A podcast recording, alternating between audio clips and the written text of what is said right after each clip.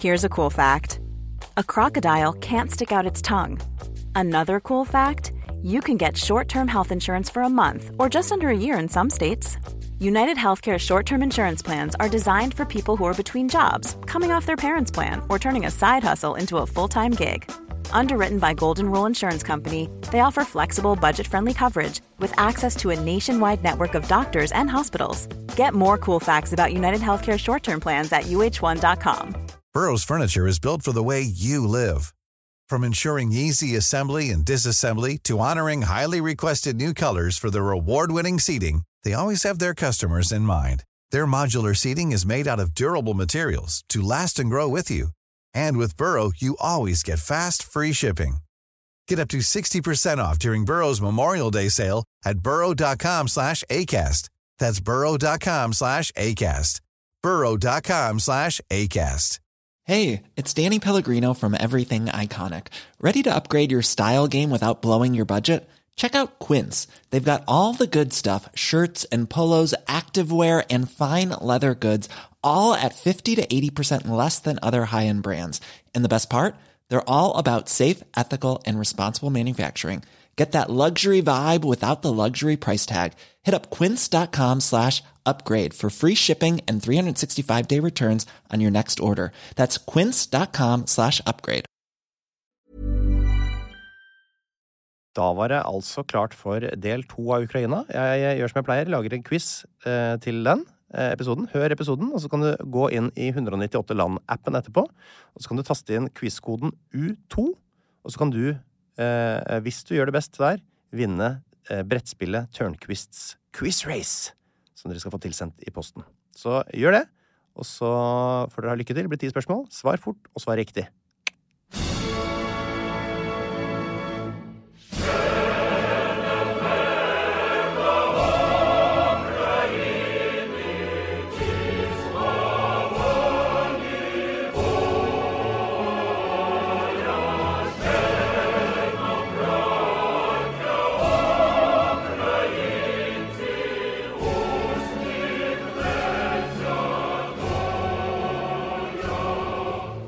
Ja, Hjertelig velkommen tilbake til Ukraina, folkens. Vi eh, sitter nå her i Studio og blomstrer, jeg og Jørn Holm Hansen, eh, og har brukt altså en hel eh, uke på å komme oss gjennom faktaboksen, som er en slags ny rekord. Det var veldig interessant og spennende å snakke med deg, Jørn, så vi ble nødt til å gjøre det sånn. Og i dag så tenkte jeg at vi rett og slett kan gå løs på historien litt. grann. Se litt bakover i tid, og vi kan godt se litt langt bakover i tid òg, for nå er det jo sånn at uh, Ukraina er jo da under angrep fra Russland. Uh, det er krig i Europa igjen. Uh, uansett hvor mye vi trodde det kom til å skje, eller ikke. men her er vi altså, halvannet år ute i en blodig krig som ikke sånn umiddelbart ser ut til å være i nærheten av noen endelig oppgjør heller. Så sånn som vi gjorde i Russland-episodene, tenkte jeg at vi skulle bruke litt godt med tid på, på å redegjøre for liksom, noen viktige hendelser i den ukrainske historien, da, i et håp om å forstå konflikten litt bedre. Og vi kan begynne i skikkelig gamle dager. For hvis jeg har forstått deg riktig, Jørn, så er det altså eh, her da mye av uenigheten, i hvert fall sånn historisk, mellom russerne og ukrainerne rundt hva Ukraina er og historisk har vært, ligger da. Så hvis vi begynner da med den første av, første, av den første slaviske statsdannelsen, Kiev-riket. Eller heter det Kyivriket det nå, kanskje? eller? Det heter vel Kyivriket nå, ja. Ja, det er sånn Kyivruss. ja. Eh, vi begynner der. Fortell litt om det. Hva er det for noe?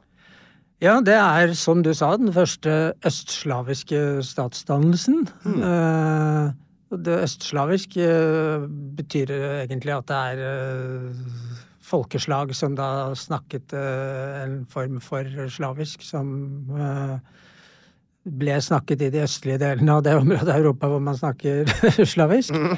Det fins vestslavisk og sørslavisk, men ikke nordslavisk. Den ble grunnlagt rundt Kyiv. Og de eh, hadde en eh, fyrste som het eh, Volodymyr, eller noe sånt. Ikke som Vladimir. er Vladimir på russisk og Ja. Volodymyr på ukrainsk. Og snakker om dagens russisk og dagens ukrainsk. Ja. Det var et felles språk den gangen. Eller Valdemar. Det er det samme som Valdemar. Det er der det kommer fra, er det ikke det? Ja. For det er jo han- vikinger og greier borti, som har vært og surra borti der. Ja, det, det var det. Ifølge den eneste skriftlige kilden, eller den viktigste skriftlige kilden fra den tida, Nestor-krøniken, så ble området grunnlagt av vikinger fra Ja. Skandinavia. Mye svensker, har jeg forstått. Mye svensker eh, visste vel ikke da at det skulle bli svensker, men de var, de var i hvert fall eh, Det veit jeg nå. germanere fra, fra nord. Ja. De dro jo over Østersjøen, opp elvene, Nemonas som det heter i dag, Njemen, ved Litauen, eller opp Nordvina, ved dagens Latvia. Mm. Så bar de båtene over land, og så ned i Det Krevende Dnieper. prosess. Det var, en, det var kraftkarer, dette her. Ja, grisen. Så, og så dro de der, så skulle de til Mikkelagar, da. Ja. For Mikkelagar, da, altså vi snakker Istanbul. Ja, det er Ja. dagens Istanbul. Ja. Eh, innlandsveien med båt til Istanbul. Ja. Okay. Det er sånn uh, elvekryss. Fy fader. Og ifølge den Nestor-krøniken så var de som grunnla denne staten, da, fordi de som bodde der fra før, var så surrete. Så det måtte noen utenfra til Ja. å, å, å grunnlegge dem. De såkalte variagene, eller væringene. Ja. Og fremdeles den dag i dag, i Russland, så snakker man om variagi. ja. Og det er når presidenten utpeker en eh, Eller sørger for at en guvernør blir valgt Ja. i en provins, en region i Russland. Og denne kandidaten da kommer fra en helt annen del av Russland. Ja. Så er han en sånn væring, en okay. variag. Okay. Så det er fremdeles liksom i den mer sånn politiske og statsvitenskapelige språkbruken i Russland. Ja. Fremdeles i bruk. Skjønner. Men han der eh, Vladimir, da, Volodymyr, han øh, var øh, leder for en veldig løst sammensatt statsdannelse, men de var under angrep, eller trus, hadde trusler fra såkalte bulgarerne, som er noe Ja. annet enn dagens bulgarere. Dette ja. var sånn nomadefolk fra Sentral-Asia. Og de var bulgarere? Og Så De ble kalt bulgarere okay. på den tida. Men det er noe annet, da. Jeg skjønner. Eh, dagens bulgarere er jo slaver og så videre. Men eh, han eh, måtte ha en alliansepartner, og Bysants var grei å ha.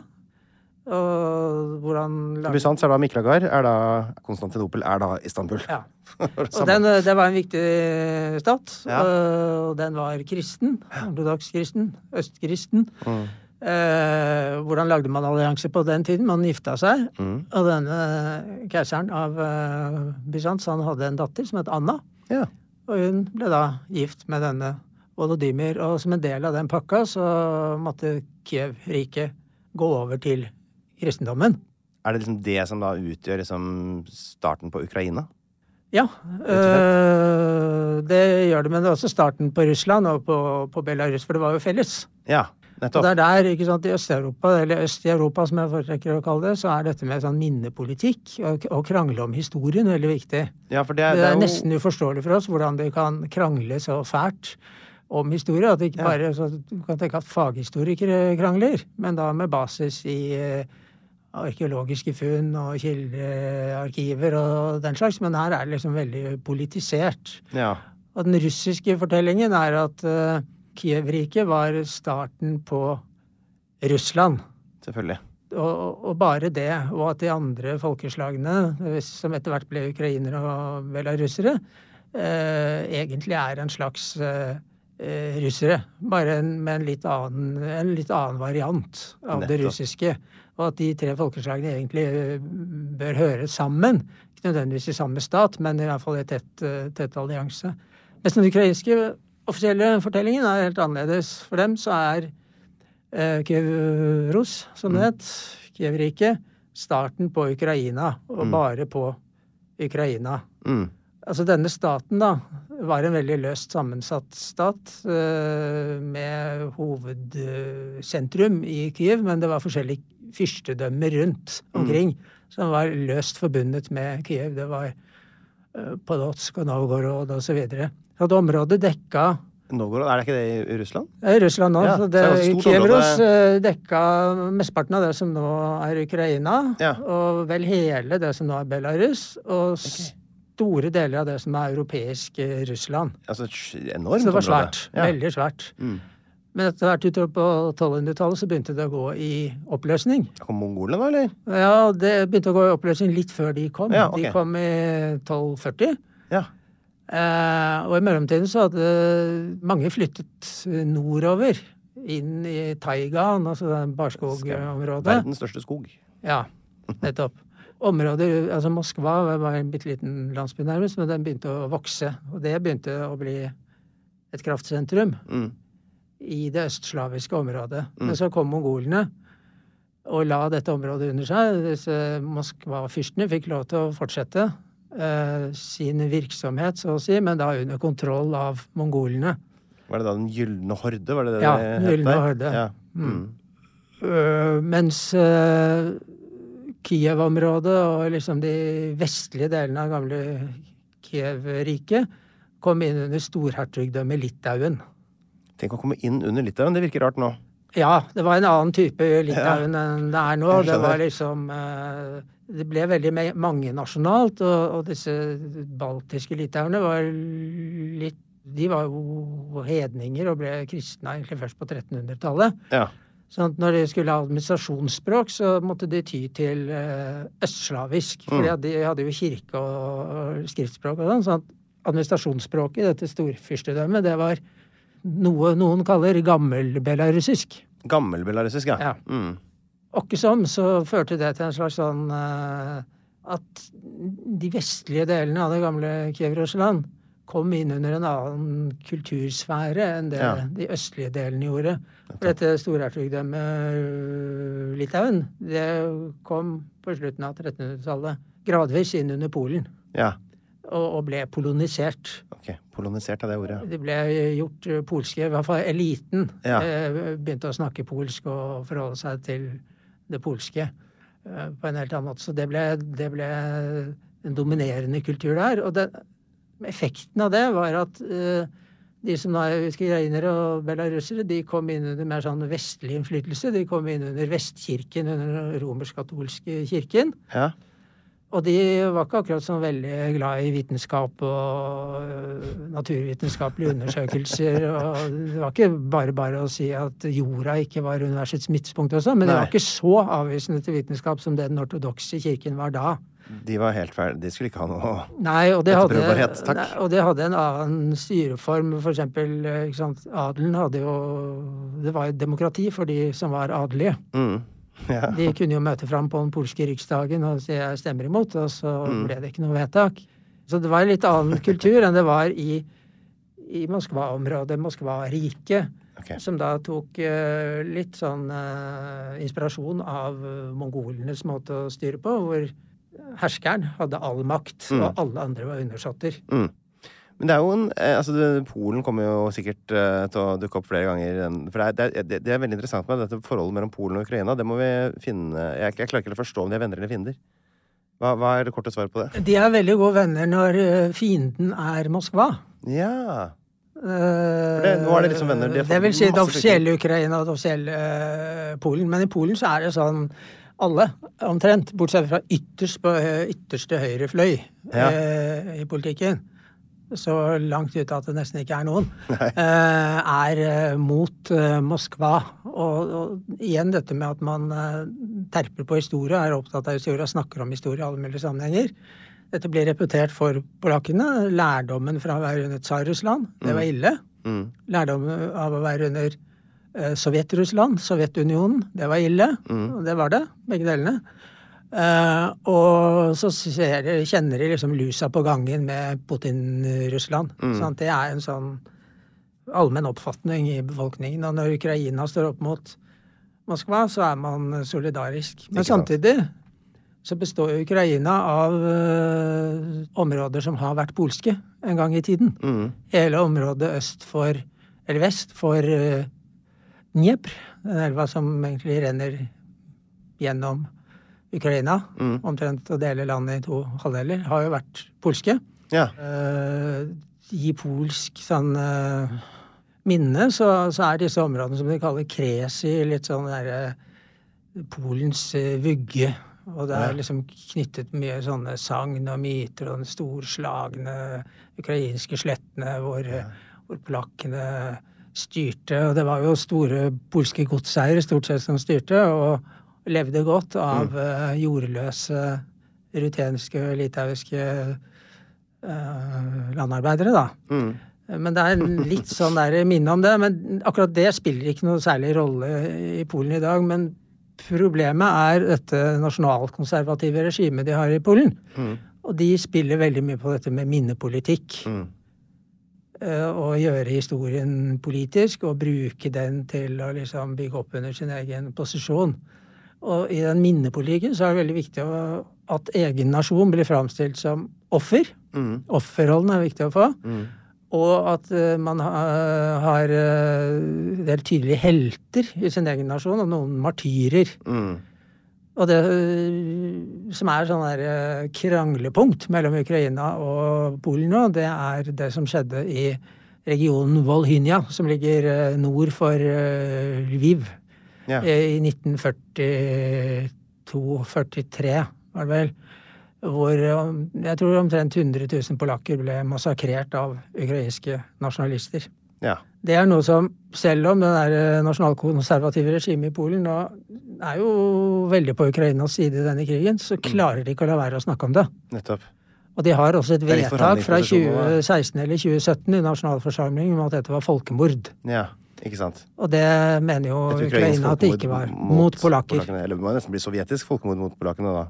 Nei, for det det var, det var ikke sovjeti... Det var ukrainske nasjonalister oh, ja, okay. som gjorde dette uh, i en periode da denne, dette området var okkupert av Nazi-Tyskland. Mm. Så de var medhjelpere for Wehrmacht som rykket fram, Riktig. og uh, massakrerte da polakker. I tillegg til veldig mange jøder, da, som ble massakrert av de tyske og Altså Vest i Ukraina så er det noen ganske, det noen ganske kraftfulle eh, historier som kan fortelles fra andre verdenskrig-tida. Ja, det gikk jo hardest utover eh, den jødiske befolkningen, Selvfølgelig. selvfølgelig. Eh, vi hopper bakover i tid igjen til eh, kanskje til 1600-tallet. Det kunne vært eh, interessant, for at eh, vi hadde en liten mailutveksling her, og da nevnte du eh, Zaporizjzja-kosakkene. Hva er det for en gjeng? De har også vært litt sånn en del av historiefortellingen her. Ja, Fortell om dem.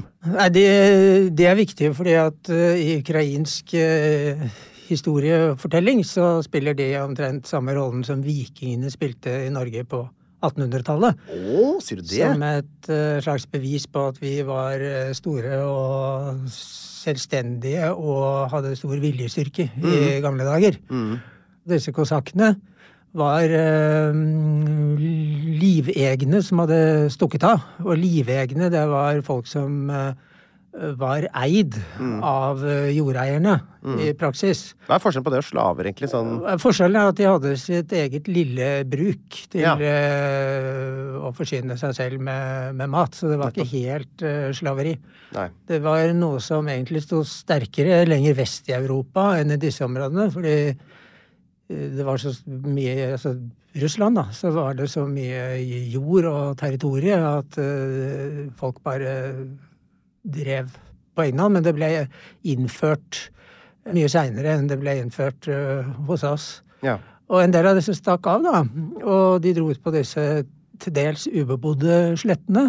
Mm. Det var noen sånne eh, turko-tatariske folkeslag, tatarer, nogaier og sånn, som bodde der fra før, men det var langt mellom folk, så det lot seg gjøre å, å slå seg ned. Og disse her slo seg ned nedenfor strykene, som det heter. Da er vi Eh, sørøst. Og der er Zaporozhia, eller Zaporizjia. ja. Det var er riktig uttale, forresten? Er det mye settere og jodder at det blir helt uh... Ja, Zaporizjzja på ukrainsk. Zaporizjzja. Zaporozhia på russisk. Men uh, de slo seg ned der og utviklet en slags eh, begynnende ja, politisk organisering, statsdannelse. Ja, for hvordan gjør man det? De, de samla seg rett og slett og Ja, ble på, enige om på en øy midt ute i- Dnepr. Ja.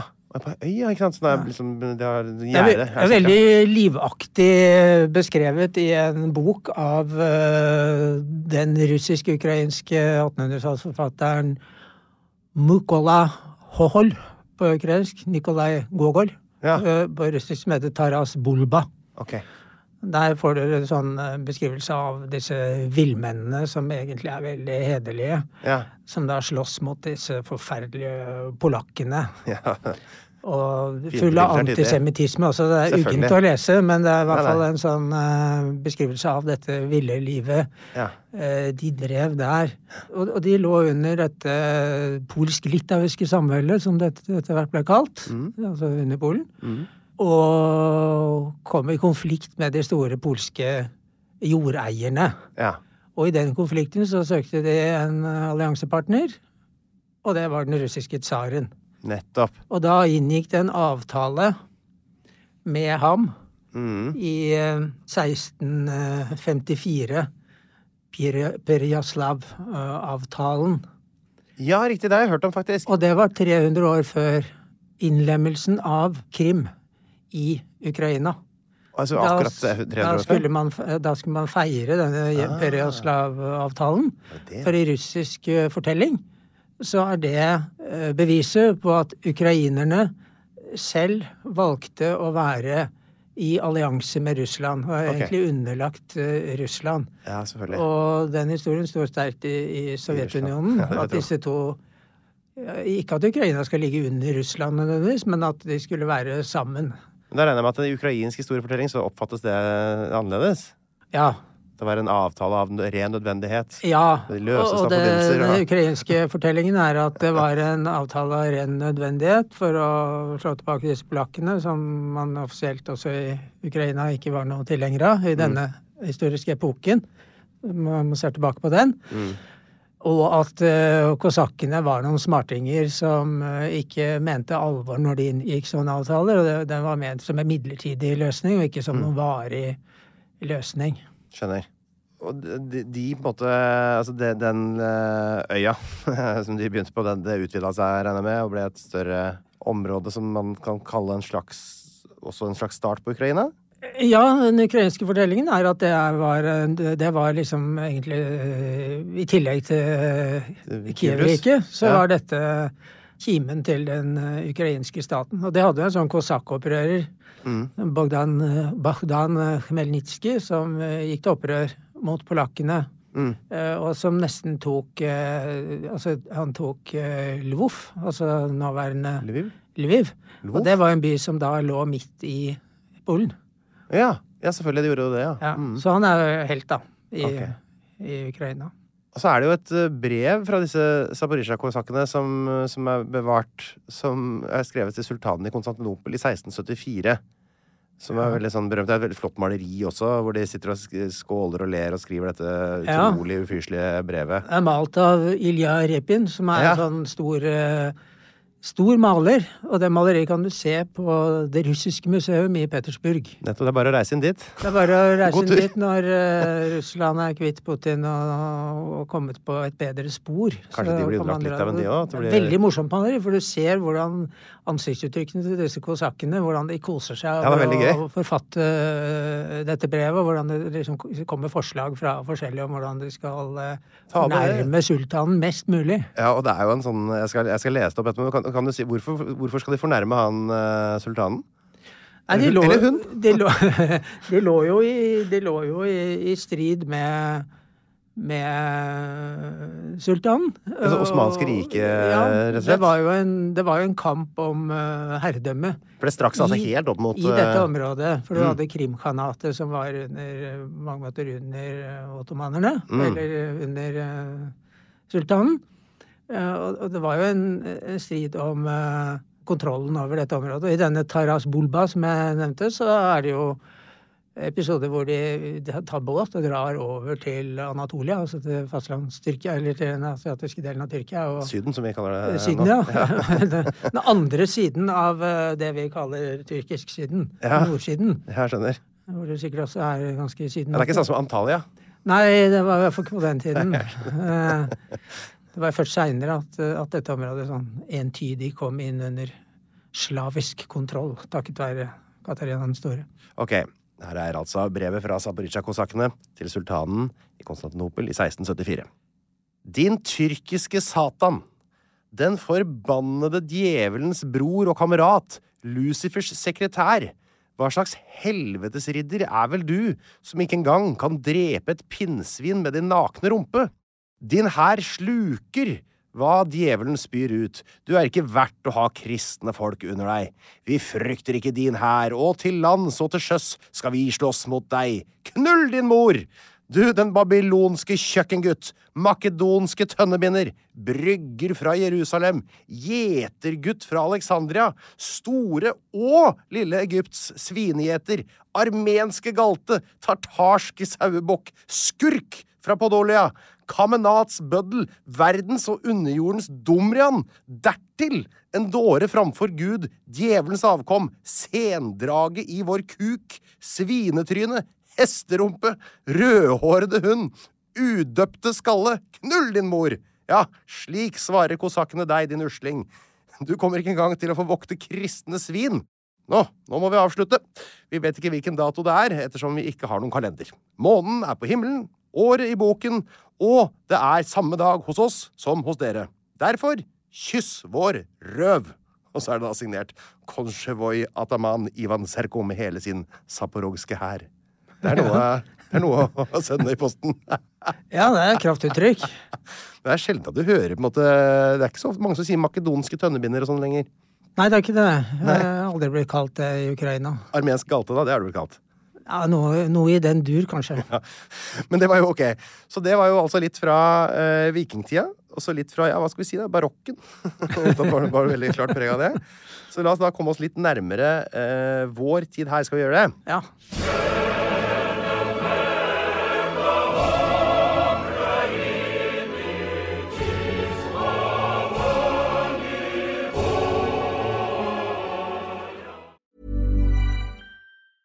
Ready to pop the question? The jewelers at BlueNile.com have got sparkle down to a science with beautiful lab grown diamonds worthy of your most brilliant moments. Their lab grown diamonds are independently graded and guaranteed identical to natural diamonds, and they're ready to ship to your door. Go to BlueNile.com and use promo code LISTEN to get $50 off your purchase of $500 or more. That's code LISTEN at BlueNile.com for $50 off. BlueNile.com code LISTEN. Everyone knows therapy is great for solving problems, but getting therapy has its own problems too, like finding the right therapist, fitting into their schedule, and of course, the cost. Well, BetterHelp can solve those problems. It's totally online and built around your schedule. It's surprisingly affordable too. Connect with a credentialed therapist by phone, video, or online chat, all from the comfort of your home. Visit betterhelp.com to learn more and save 10% on your first month. That's BetterHelp, H E L P. Burrow's furniture is built for the way you live. From ensuring easy assembly and disassembly to honoring highly requested new colors for their award-winning seating, they always have their customers in mind. Their modular seating is made out of durable materials to last and grow with you. And with Burrow, you always get fast, free shipping. Get up to 60% off during Burrow's Memorial Day sale at burrow.com slash ACAST. That's burrow.com slash ACAST. burrow.com slash ACAST. Jesus.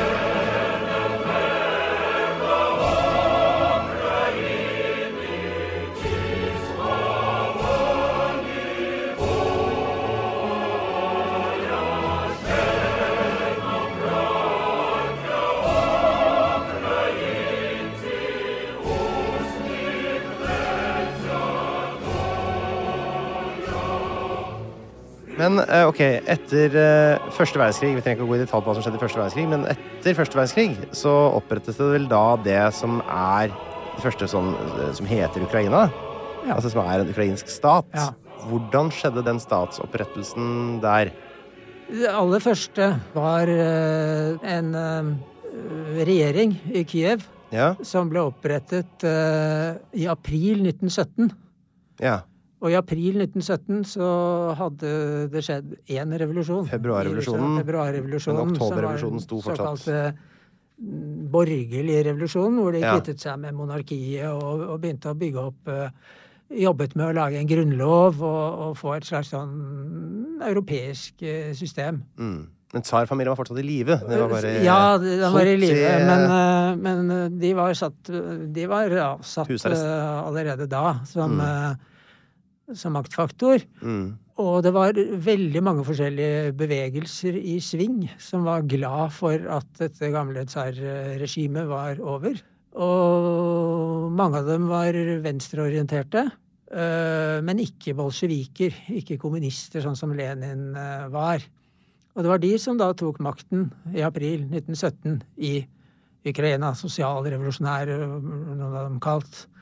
De ble da avsatt eh, av eh, Det var vel i 1918 av eh, en som het Pavlo Skoropadskij. Ja. som hadde støtte fra aksemaktene fra Tyskland og Østerrike, som var en slags Ja, regjerte med deres støtte, Ja. For jeg si det på en pen måte. Ja. Og han utnevnte seg til hetman over Ukraina, og hetman det er da kosakkhøvding, eller ataman, som det også kalles. Det er altså et av bare de lokale sånn sjefnavna. Ja. Det er jo sånne dukker opp overalt. Kaner der og emirer der. Men hetman. Ja. Ja. Og så ble han feid til side av en annen eh, regjering. Eh, Og så kom bolsjevikene inn, det var vel i desember 1919. Ja. Men hele denne perioden så var det fullstendig kaos Altså på det området som i dag er Ukraina. Det var eh, borgerkrig mellom de hvite, dvs. Si de gamle tilhengerne av tsarveldet, gamle aristokratiet, gamle generaler og sånn, eh, og ulike revolusjonære grupper, blant dem eh, bolsjevikene. Og det var eh, anarkister, det var nasjonalister, og det var intervensjonsstyrker fra Russlands tidligere allierte fra første verdenskrig, altså Tyskland, nei, Frankrike og England og sånn. Så det var veldig mange hærer eh, på gang samtidig, og, og det ble opprettet sånne, sånne små sovjetrepublikker i ulike deler av det som i dag er Ukraina. Ja. Og en av dem var en sånn anarkistisk eh, republikk, bondeanarkister. Bonde Rundt ja. eh, akkurat der hvor disse Zaporizjzja-kosakkene Ja. kom fra. Det området. Okay. Som opprettet sånn eh, råds, eh, rådsmakt, altså sånn som Lenin og andre snakket om, men som da ble partimakt ganske raskt. At Ja. liksom de tok kontroll.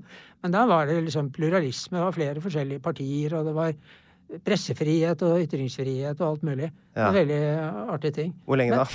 Ja, det, ja, de, ja, de sloss jo De slåss jo mot de hvite først, og så slottes de mot eh, østerrikerne eh, i allianse med bolsjevikene. Og så kom bolsjevikene vel ta kontroll over dette her eh, demokratiske, anarkistiske eh, virvaret. Som var veldig spennende, må jeg si. Ja, ja, herlig for en Eh, eh, og så ble det krig mot dem, og så tapte de, da. Ja.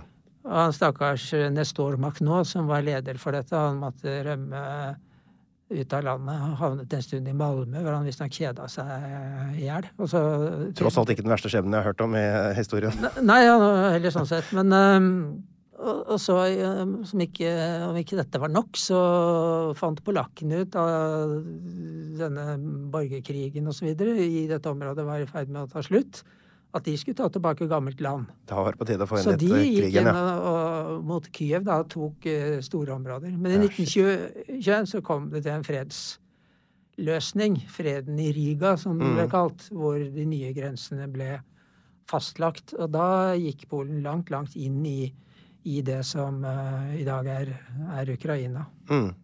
Og Ukraina forsvinner vel inn i Sovjetunionen. Er det i den forbindelse, eller er det senere? Nei, Det var, ja, det var egentlig Regnes vel den desember 1991, da de bolsjevikene tok uh, Kiev. Ja. Ok, desember 1919. Da er liksom Ukraina en del av Sovjet... Ja, det tror jeg man kan si. Sovjetunionen er vel ikke Ja. kanalisert ennå, kanskje? Nei, det var 1922 først det skjedde. Ja, riktig. Ja, og, og, og hva, hva betyr det da for Ukraina at de blir da sovjetrepublikk på 20-tallet? Hva innebærer det for folk? Det innebærer i første omgang at uh, Le, altså Lenins linje uh, blir dominerende gjennom 20-tallet. Mm. Og Lenin hadde egentlig en krangel med Stalin. Altså Ja. Lenin som hadde ledet revolusjonen i Ja. 1917. Uh, den som skjedde i november, altså oktoberrevolusjonen. Den holdt den kalenderen de da hadde. Han øh, var i en heftig diskusjon med Josef Stalin, som kom fra Georgia. Bankraneren fra Georgia. Bankraneren og teologistudenten fra, Ja. fra Georgia, som, øh, som var på vei opp i systemet. Eh, For Lenin, han var en hard negl og ingen stor demokrat, men han var veldig motstander av. Han var en veldig stor uh, motstander av russisk eh, sjåvinisme. Ja, ok. Storrussisk sjåvinisme. Ja. Og han var tilhenger av at eh, alle mulige folkeslag skulle blomstre opp. Dette var litt i tida da. Ja. Det var rett etter den første verdenskrig. Mm. Da hadde du hatt eh, mange tiår på 1800-tallet fram til det hvor det var mange nasjonale bevegelser rundt omkring i Europa. Mm. Og mye av dette hadde ført til nye stater i Europa. Da liksom imperiene trakk seg tilbake, det russiske og det ottomanske osv. Mm. Så fikk du liksom Jugoslavia, du fikk eh, fikk Tsjekkoslovakia osv. Og, Mm. og, og de baltiske statene ble opprettet og sånn.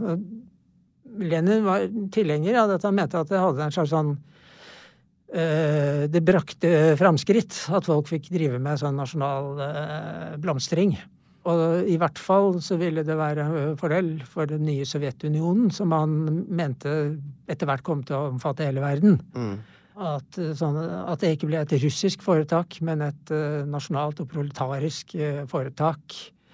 Så han uh, pukket på for at når vi skulle opprette Sovjetunionen, det skjedde i 1922, at det skulle bli det var noe av det siste. Han hadde blitt syk etter et attentat i 1918, så han var ganske redusert. Men dette var det han satt og pusla med i, i rullestolen sin.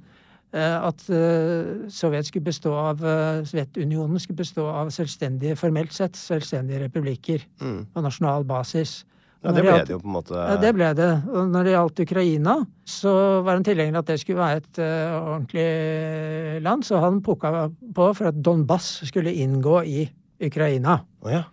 Ukrainske nasjonalister mente at Ukraina skulle gå enda lenger østover. Ja. Men Lenin var veldig tydelig at eh, store deler av Donbass skulle tilfalle Ukraina. For ellers ville Ukraina bare bli et sånn tilbakeliggende bondeland. Du måtte Ja. ha liksom industri og Nettopp. teknologi og arbeiderklasse og alt sånt som drev historien.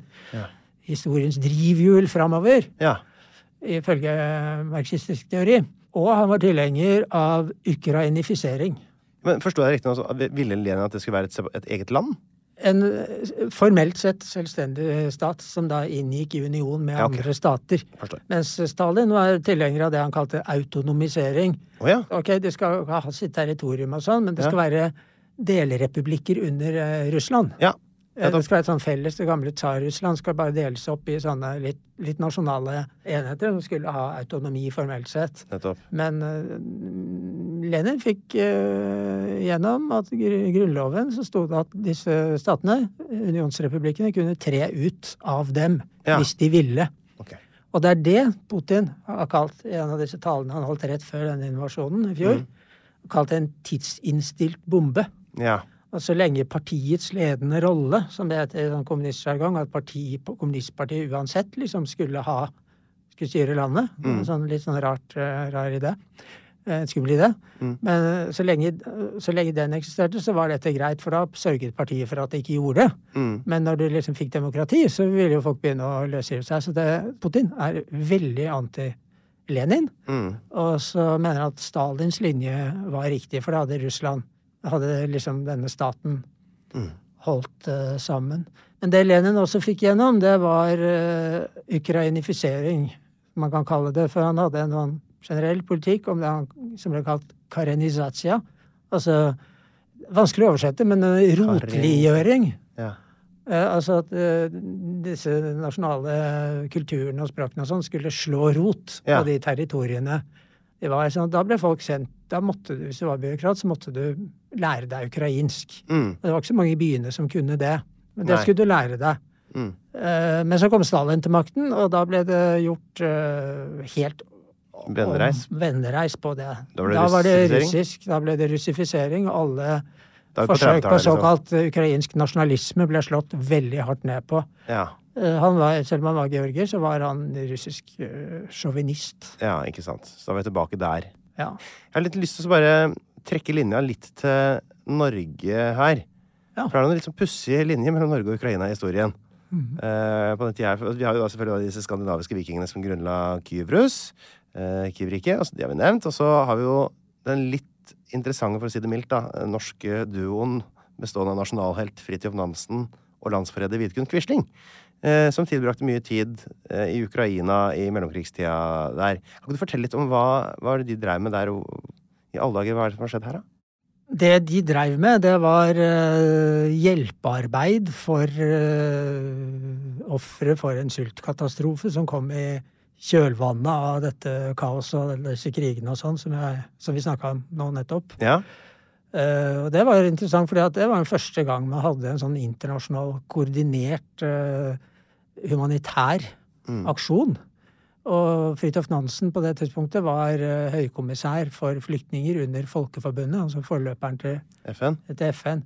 Men selve denne, denne Nansen-misjonen, som det het, eh, den var ikke under Folkeforbundet. Den var mer sånn frivillige som bidro til den, Mm. og Eh, og så kan man spørre hvorfor altså, Nansen hadde kjennskap til Russland. Han hadde jo vært uh, i Sibir og skrevet om Russland. Visstnok Jeg har dessverre ikke lest den. Jeg har hatt planer om å lese den lenge, men en bok Mhm. om sine opplevelser her. Hun var okay. visst litt naiv.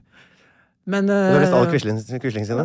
ja, så da trengte han en russlandsekspert, og, Ja. og Quisling var russlandsekspert. Ja, han ble skrevet noen bøker? Han ble regnet som russlandsekspert i Norge. Ja, sier du det? Quisling sjøl? Quisling sjøl.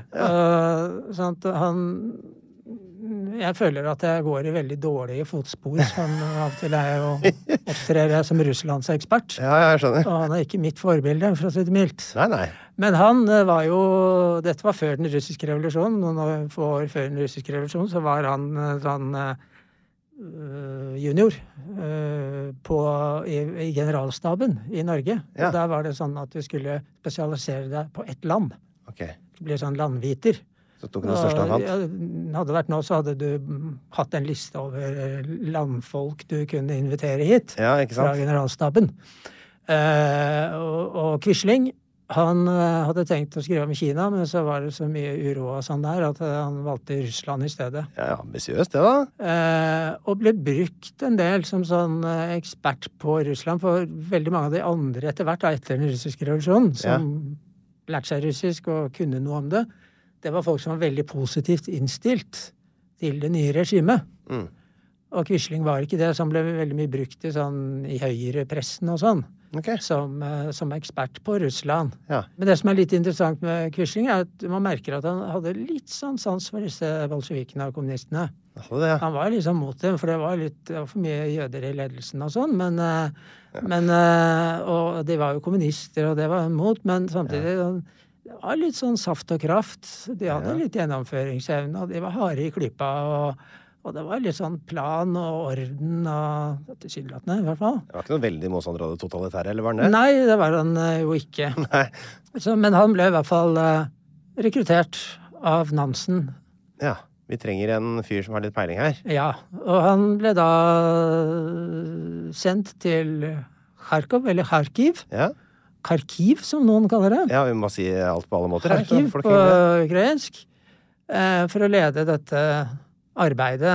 Og det er jo svartjord der, sånn at eh, etter kort tid så gikk akkurat den sultkatastrofen over. Det vokser fort opp. Eh, vokser fort opp For dette var, altså. ikke, dette var ikke en del av den Stalin, altså den Holodomor-greia? Nei, det var ti år seinere. Ja. Og den hadde helt andre årsaker var bare og krigs- forløp på en helt annen måte. Matmangel. Men Quisling var, var kjent for å være veldig keitete.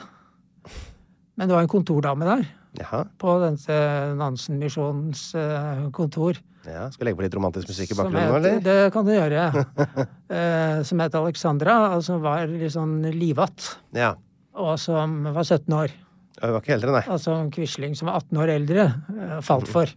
35 og 17? Ok, Blant annet fordi hun så så blond og nordisk ut. Men noen, noen hevdet at den, den der blonde nordiske greia var mer på grunn av kjemi enn Ok.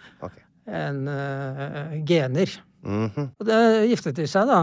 Ja. Og- Men 13 måneder etterpå så bare brøt Quisling visstnok dette ekteskapet og giftet seg med en annen dame. Ja. Maria. Nettopp. Hun Fra ble samme by, så han fant- virkelig ved hans side. Hun ble virkelig Hun ble jo sittende i den der eh, herskapelige leiligheten i Erling Skjalgssons gate på Nummer Frogner. 26 for øvrig. En tredje etasje. Hjørneleilighet. Ja, da, Vært der og kikka. det var det, ja. Ja, ja. Eh, være men det er jo litt eh, pikant da, at denne norske nazisjefen eh, fant begge konene sine i Kharkiv. ja, det er veldig. Slaviske koner, Ja. ifølge nazistisk eh, raseteori. Teori i gåseøynene. Mm. Eh, rasefantasier. Så, så er jo slaverne untermensch. Mm. Undermennesker. De har ikke ordentlige, ordentlige egenskaper. Hitler skriver jo i Mein Kampf at eh, slaverne er ute av stand til å danne sin egen stat. Mm. Det er jo veldig sterkt å hevde, i hvert fall. Og så forklarer han hvorfor eh, kommunistene hadde klart å, opprette en stat i Moskva når Ja. de var kvitt eh, eliten. Og det var ved å leie inn jøder, da. Ja. For de var, de var skumle, men de var for smarte. Smartere ja, enn eh, slavene. Men han uh, giftet seg med dem, og, og noe av begrunnelsen, kanskje, som han også førte fram, var at eliten i Ukraina og Russland, de hadde germanske gener. Blant annet på grunn av denne Kiev, altså, Kiev-riket og viking... Helt tilbake til 900-tallet. der, Ja. Snakker om etterrasjonalisering i, eh, altså, av groveste sort. ja. Ja. Så, men eh, artig, Men vi så jo hva, hva Nazi-Tyskland gjorde da de rykket inn i Ukraina og Russland. De så jo på, som sagt, eh, slaverne som undermennesker. Mm. Og de, de skulle ikke utryddes så effektivt som de gjorde med jødene, men det, for de skulle beholde noen av dem Mm. til å gjøre manuelt arbeid på de store godsene som de skulle opprette. Men de skulle, under krigen da, så skulle de sulte dem ut. De skulle ta all maten Ja. fra dem eh, og gi til Wehrmacht, altså det tyske militærapparatet. Og da hadde de kalkulert med at 20 millioner russere, ukrainere, hviterussere, belarussere kom Ja, til å, å, å stryke med. Men det, sånn, sånn var det, for de skulle uansett desimeres. Ja. Men da kan vi jo nesten ta tak i den holodomor-greiene. Nå er vi liksom på det sporet her. Ja. 32-33. Ja. Da opplever da Ukraina og Kasakhstan eh, det som vi da nå kjenner som holodomor. Som, det betyr noe sånn eh, død ved sulting eller noe sånt, ja, ikke? ja. Eh, for det er da altså millioner av mennesker som rett og slett sulter i hjel gatelangs i verdens kornkammer, Ukraina. ja. Hva er dette her? Er det en katastrofe? Er det et folkemord? Er det Hvordan skjedde det? Det skjedde fordi eh, man la om politikken i ganske drastisk retning i Sovjetunionen på Mm. slutten av 20-tallet. Med innføringen av eh, den første femårsplanen, som det het. Mm. Landet skulle industrialiseres. Mm. Stalin hadde en plan, og i og for seg Lenin òg, om å modernisere uh, dette området. Det satt med kontrollen over, med hele rest-Tsar-Russland, som du kan si Sovjetunionen var. Mm.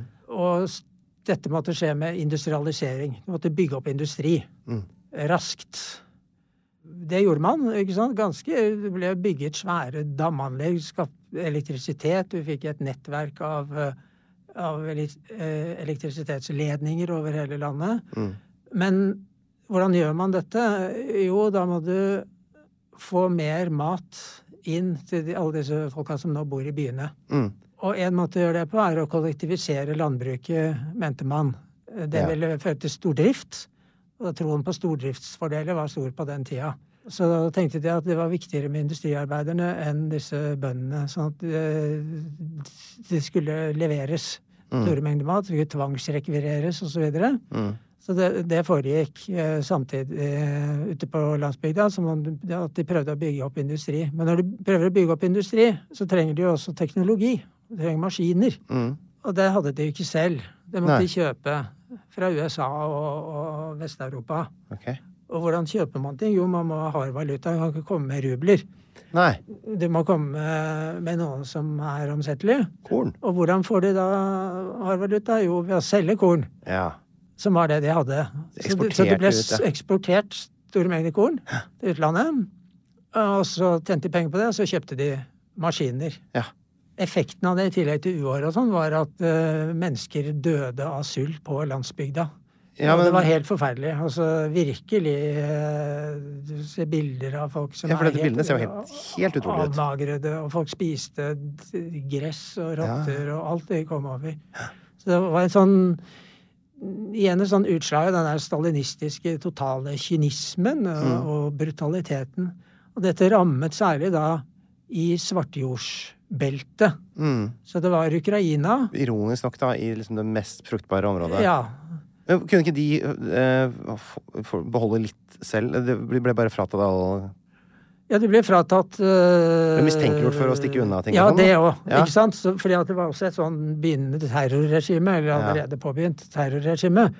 Sånn at uh, sånn ideen om at det var sabotasje hver gang noe ikke gikk bra, så var det Ja. sabotasje. Det var noe noen ja, som det kommer hadde- ikke nok korn inn, de må stikke av det sjøl. Det var sånn noen har putta ja. spiker i tanken på traktoren. Mm. Må skyte eh, 50-15 stykker Mm. i den landsbyen, liksom. Så det var en sånn brutalitet uten sidestykke. Og dette gjaldt jo hele Svartjordsbeltet. Mm. Eh, mesteparten av det mest fruktbare svartjordsbeltet, og mest befolkede svartjordsbeltet, var jo i Ukraina, så det var de som var mest rammet av, av denne sultkatastrofen. Men eh, sånn i prosentandel så var det nok Kasakhstan som ble hardest rammet av, av dette, av befolkningen, som døde som følge av krigen. Og det var jo mange Ja. millioner.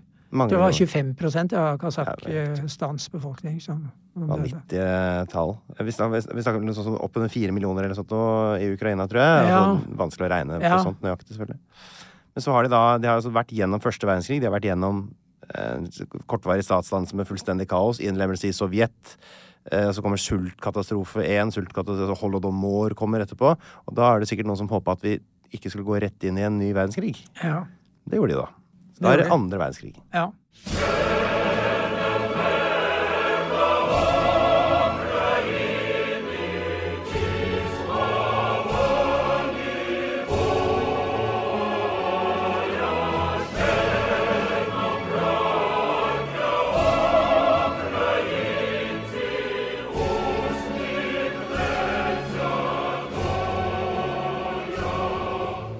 Hørt noen si at holocaust starta i Ukraina.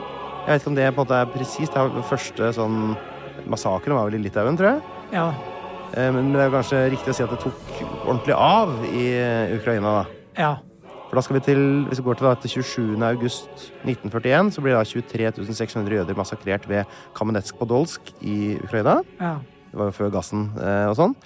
Og det var altså den første massakren med over 10 000 ofre der. Eh, og så er, Likevel så er det mest kjent er kanskje den eh, i Babijar 29. og 30. september samme år. Da var det altså 33 771 jøder som da ble eh, leda ut til denne ravinen ja. eh, og skutt og begravd. Eh, hvordan var det dette her foregikk? Hvordan kom man dit?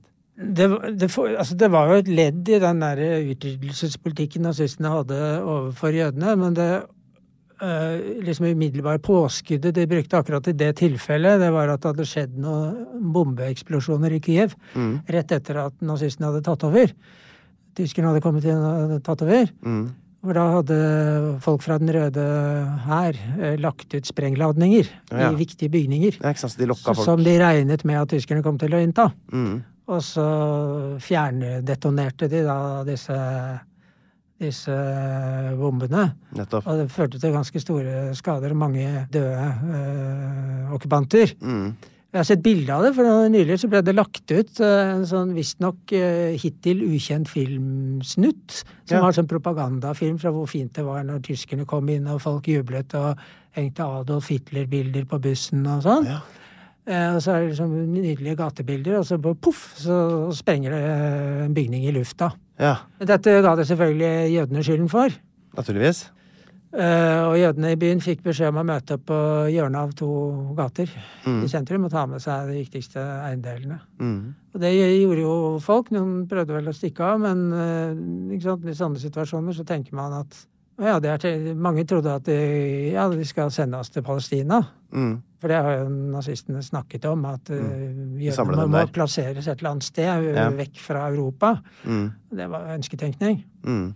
Og så etter hvert, liksom, gradvis som de kom nærmere Babi Yar, den ravinen, så ble de fratatt liksom først Jeg husker ikke rekkefølgen, men Jeg har den. Det var en som het Rubin Stein, som var ung gutt, Ja. eh, som klarte å komme seg unna. Han var med hele veien nesten helt til ravinekanten. Han sa at først måtte de gjennom eh, Det var fem sjekkpunkter. Først så måtte de levere fra seg ID-papirene, som ble brent på et bål, men det var illevarslende. da. Så ved post to så ble det fratatt alle verdisaker, juveler, gullringer, gulltenner ble trukket osv. Kan du se for deg de scenene. Eh, Post tre så blir det da alt av tekstiler levert, så nå, sant, nå står jo folk nakne igjen. Post fire så var det koffertene røyk, og post fem så ble da kvinner og barn skilt fra menn og tenåringsgutter. Mm. Han klarte da å på en måte krype ned i et sånt eh, avløpsrør, eller hva det var, en av de få som måtte ha fortalt historien derfra etterpå. Så det var jo på en måte eh, Ja. Og da gikk de altså til den ravinen, så ble det da skutt. ja. Du kan jo tenke deg hvordan det gikk opp for folk etter hvert. Kanskje de som hadde hatt den ønsketenkningen om at de skulle bli sendt til Palestina. Mm. etter hvert liksom skjønte mer og mer. Og jeg har også lest en sånn øyenvitneskildring av en som Eller deler av en øyenvitneskildring av en som overlevde. Mm. Øh, hvordan de liksom nærmet seg denne ravinen og hørte skrik og skudd. Mm.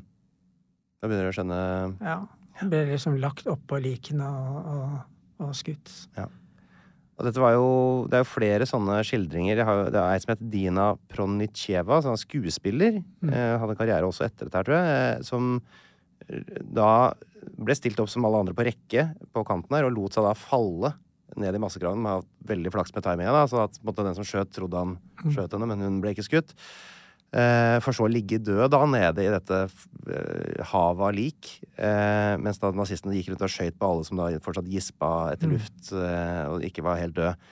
en forferdelig situasjon, selvfølgelig. Og så lot, prøvde hun da, lå hun der, og så lot hun seg da begrave levende. For de kasta jo jord over dette her, selvfølgelig. Eh, bare for å ta imot nye forsyninger. Hvor hun da måtte, måtte da ligge der i stummende mørke med litt luft, sikkert, da, og klarte da å komme seg, grave seg ut og rømme på natta. Så kan man jo se for seg de, eh, hva slags forhold det var. Og så var det også ei som het Vera Bondarchok, som er litt interessant, for hun ble tatt av til side i helt i siste liten fordi moren hennes klarte å, å tenke så snarrådig at hun sa på nazistene at min datter, hun er adoptert. Og hun er ikke jøde. Nei. Så hun ble faktisk tatt ut, for det verste nazistene kunne tenke seg å gjøre, var jo selvfølgelig å skyte noen som ikke var jøder. Det var jo forferdelig å drepe folk på den måten. Og en dag rundt år 2000 så får altså Tore Strømøy, eh, kjent norsk eh, kappgjenger, Cardiff-supporter og programleder, får da en telefon fra Vera Bondarsjok, som da har flytta til Ås i Akershus og vil gjerne fortelle historien sin. Sier at hun er den eh, eneste overlevende fra, fra Babijar. Så han skrev da en bok eh, som heter Vera, 'Flukten fra Babijar', for de som har lyst til å ta den historien. Snakk om posttraumatisk stress. Ja. Hun som eh, overlevde og gravde seg ut. eh, Vanskelig å, eh, vanskelig å ta inn. litt vanskelig å, å ta inn over seg. Altså, det var jo ikke Altså, det var jo norske folk involvert her også. Vi må, vi må nesten ikke, må ikke legge skjul på det. Det var jo nordmenn som reiste ned til Ukraina eh, som såkalte frontkjempere. Eh, under andre verdenskrig med lovnad da om å bli jordeiere der. Var ikke det liksom det som var eh, Jo, de hadde sånne lovnader. Ja, og så skulle de få da selvfølgelig noen undersåtter til å jobbe for seg Ja. som noen slags koloniherrer. Etter andre verdenskrig, da er vi liksom Altså, Ukraina er i eh, eh, Sovjet.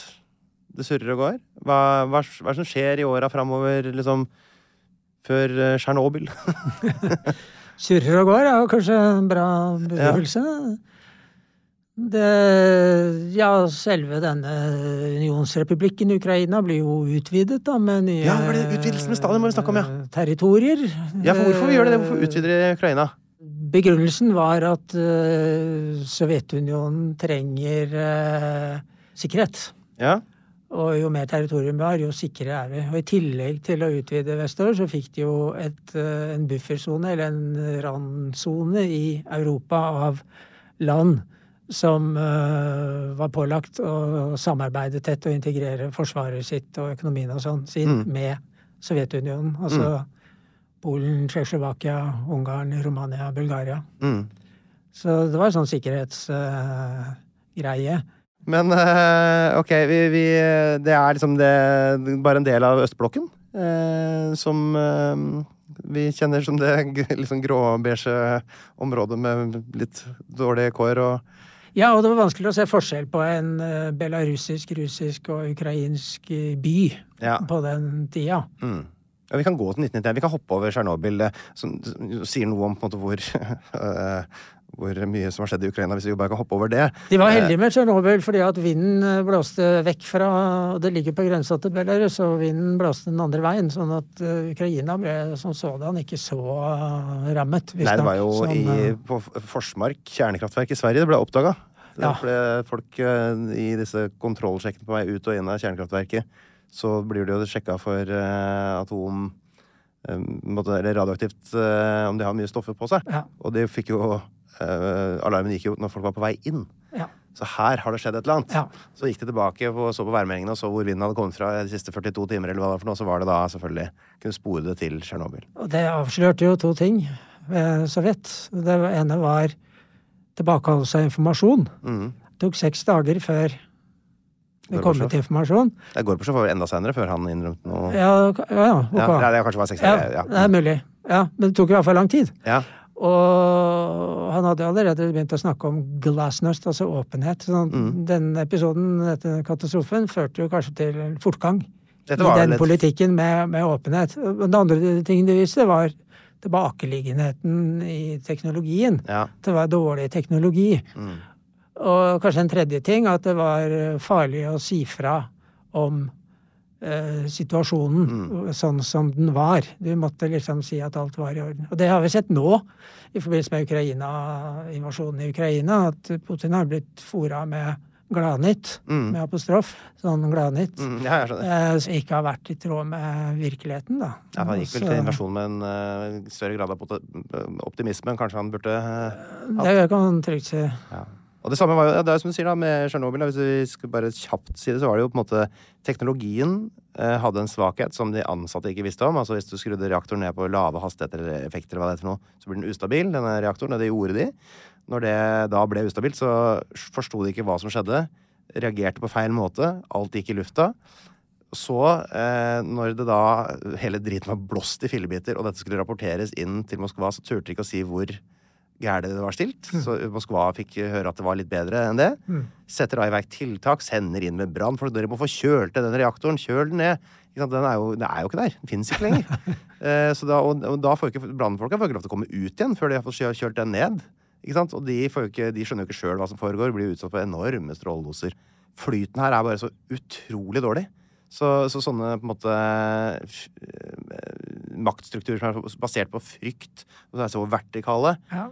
Er jo utrolig skjø- skjøre når noe går gærent. Ja. Så det får være lærdommen fra oss. Og så er det jo litt, også interessant eh, jeg- Dere får bare se den TV-serien Tsjernobyl. Den er stort sett uh, gan, Er noen sånne litt sånn dramatiske ting der som ikke er helt ekte, da. Det som er bra med den, er hvordan de har klart å gjenskape interiøret Ja, i, fra den sovjettiden. Jeg begynte å se på den med en viss negativitet, for jeg Ja. syns det er så håpløst når det skal liksom være fra Ukraina, så snakker de engelsk. Ja, ja, Men sånn det glemte jeg fort. Ja. Fordi at det var så utrolig eh, godt eh, arbeid fra hva heter det, rekvisitøren. De som skaffet uh, interiørgreiene.